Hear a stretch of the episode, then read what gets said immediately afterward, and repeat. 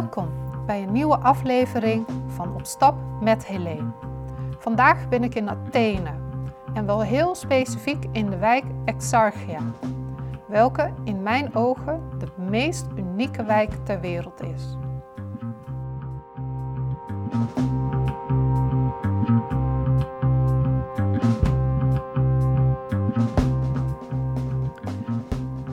Exarchia in Athene staat bekend als dé wijk van het anarchisme. Veel van de bewoners zijn lid van anticapitalistische, antifascistische en anarchistische groeperingen. Exarchia ligt als wijk tussen het chique Kolonaki en de migrantenwijk Omonia in. De wijk zelf wordt bewoond door hoofdzakelijk intellectuelen en artiesten. En voor hen zijn de twee nabijgelegen contrasterende wijken een inspiratie en voedingsbodem voor artikelen, acties en nieuwe ideeën. Mijn eerste indruk van Exarchia was dat het een zeer arme wijk moest zijn. Ik kreeg die indruk vanwege de vele graffiti op straat met sterk anticapitalistische beelden en leuzen. Ik voelde me er dan ook in eerste instantie niet echt veilig. Viel ik niet te veel op als toerist? Na wat langer in Athene te zijn geweest, leerde ik dat graffiti, tags en kreten op de muur overal te vinden zijn in de stad. Buiten het toeristisch centrum, althans. Het is onderdeel van het DNA van de Griekse hoofdstad, lijkt het wel. De hoeveelheid graffiti en street art zijn niet de enige reden om deze bijzondere wijk te bezoeken. Al struinend passeerde ik een ouderwetse drukkerij met nog een loodzware drukpersmachine. Ik zag een boekbinder aan het werk en die restaureert oude boeken, maar plaatst ook nieuwe boeken in ouderwetse kaften. En tegelijkertijd trof ik ook veel boekwinkels, fairtrade-bedrijven en biologische producenten aan. Oude ambachten en nieuwe ideeën gaan in Exarchia hand in hand. Wil je ook door deze wijk gaan wandelen, dan is Park Navarinau een goed startpunt.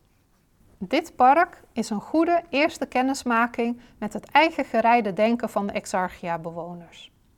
Het ligt op de hoek van de gelijknamige straat en Charlu Trikopi. De overheid dreigde deze open plek te gaan veranderen in een parkeerplaats.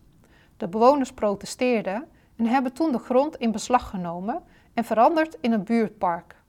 Nu, na 12 jaar zelfbeheer, is het een klein stadspark met bomen, een speeltuin en veel bankjes geworden. Een grote muurschildering geeft het proces weer dat de bewoners hebben meegemaakt. De meer gewelddadige kant van de wijk komt naar voren in de straat Mesaloguio. Een kleine 100 meter verwijderd van een groep cafés. En het is hier dat Alexandros Grigoropoulos, een 15-jarige Griekse jongen, in 2008 werd doodgeschoten door een politieagent. Precies op die plek. Die gebeurtenis heeft geleid tot grootschalige rellen, de grootste van Griekenland.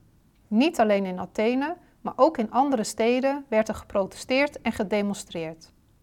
Behalve vanwege de onnodige dood van deze jongen, waren de rellen ook een uiting van een dieper gevoel van frustratie. Veel afgestudeerde jongeren in Griekenland zijn nog steeds werkloos of werken onder hun niveau. Ze zien een inadequate overheid en ze zien ook veel corruptie bij de verschillende Griekse staatsbedrijven. En nog steeds wordt elk jaar de dood van Alexandros op 6 december herdacht. En die herdenking gaat altijd gepaard met demonstraties, die heel vaak uitlopen op kleine rellen en brandstichtingen. In de iets wat verderop gelegen cafés komen nog steeds veel anarchistische en links-alternatieve jongeren in de avonduren bij elkaar. Kruip er gerust maar eens tussen hoor en maak kennis met hun leefwereld. Voor een wat meer traditionele Griekse beleving zijn er in de nabijgelegen Valtetsiou diverse tavernas met lokale Griekse gerechten gevestigd. Deze autoluwe straat voelt bijna aan als gewoon een klein dorp. Zo anders weer dan de rest van Exarchia. Op het Exarchiaplein, in het noordelijke gedeelte van de wijk, kom je de meest donkere kant van de wijk tegen. Hier worden niet alleen demonstraties en bijeenkomsten gehouden, maar hangen ook verslaafden en illegale vluchtelingen op stoepenranden en bankjes rond. Het is een van de weinige plekken in Athene waar de politie niet komt en waar zij dus veilig kunnen verblijven. Aan het plein staat ook het befaamde Blauwe Huis, dat niet meer zo blauw is. Enkele bewoners hebben hun balkons wel weer blauw geverfd, maar je moet goed kijken om de bijzondere architectuur van dit interbellum bouwwerk waar te kunnen nemen. En dat geldt voor veel van de bijzondere gebouwen in deze wijk. Of ze nu uit de 19e of de 20e eeuw stammen, je moet je oog erop richten om de bijzonderheid ervan te zien.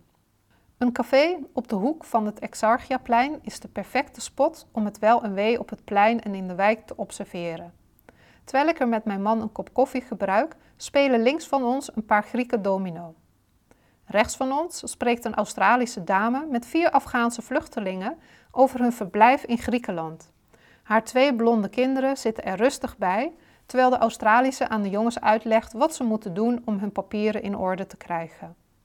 Aan weer een ander tafeltje zitten twee toeristen met elkaar foto's te bespreken van de vele street art en graffitis die ze tijdens hun wandeling hebben gespot. Een bezoek aan Exarchia kun je het best afronden met een bezoek aan de Nationale Technische Universiteit Polytechnië. Een nu grotendeels verlaten universiteitsgebouw, maar vroeger de broedplaats van protesten en demonstraties.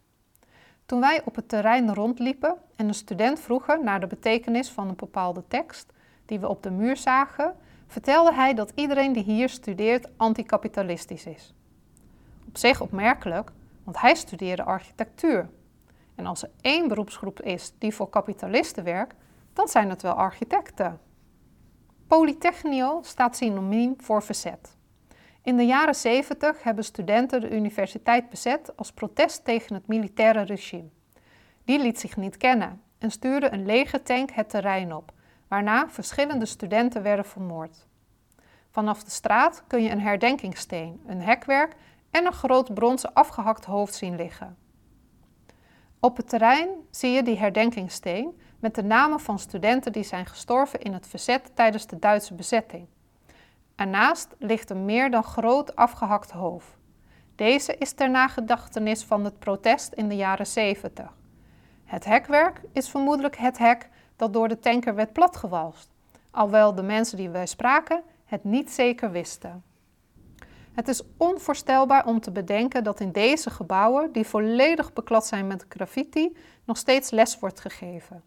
We zijn in een van de gebouwen naar binnen gegaan en troffen daar een grote ruimte aan waar architectuurstudenten hun maquettes bouwen. Kastjes zijn in elkaar gedeukt, tafels staan schots en scheef en overal tref je leuzen aan. In de ochtend is het heerlijk rustig in Exarchia. Prima tijd om in alle rust door de wijk te wandelen en de vele street art en graffitis in je op te nemen. Pas in de loop van de middag bevolken de studenten van de naastgelegen universiteit samen met de bewoners de vele koffiezaakjes.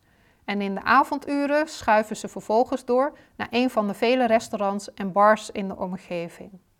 Na een korte periode van wennen wandelden wij met plezier door deze bijzondere wijk. Maar ik kan me voorstellen dat het toch een beetje intimiderend is. Een tip die ik je dan zou geven is om dan met een gids door de wijk te gaan. Die kun je organiseren via een, een website als Like a Local, maar je kan je ook aanmelden voor een street art tour van Alternative Athens. In ieder geval is een bezoek aan Athene in mijn ogen niet compleet zonder een bezoek aan Exarchia. In mijn ogen de meest unieke wijk ter wereld. Thank you.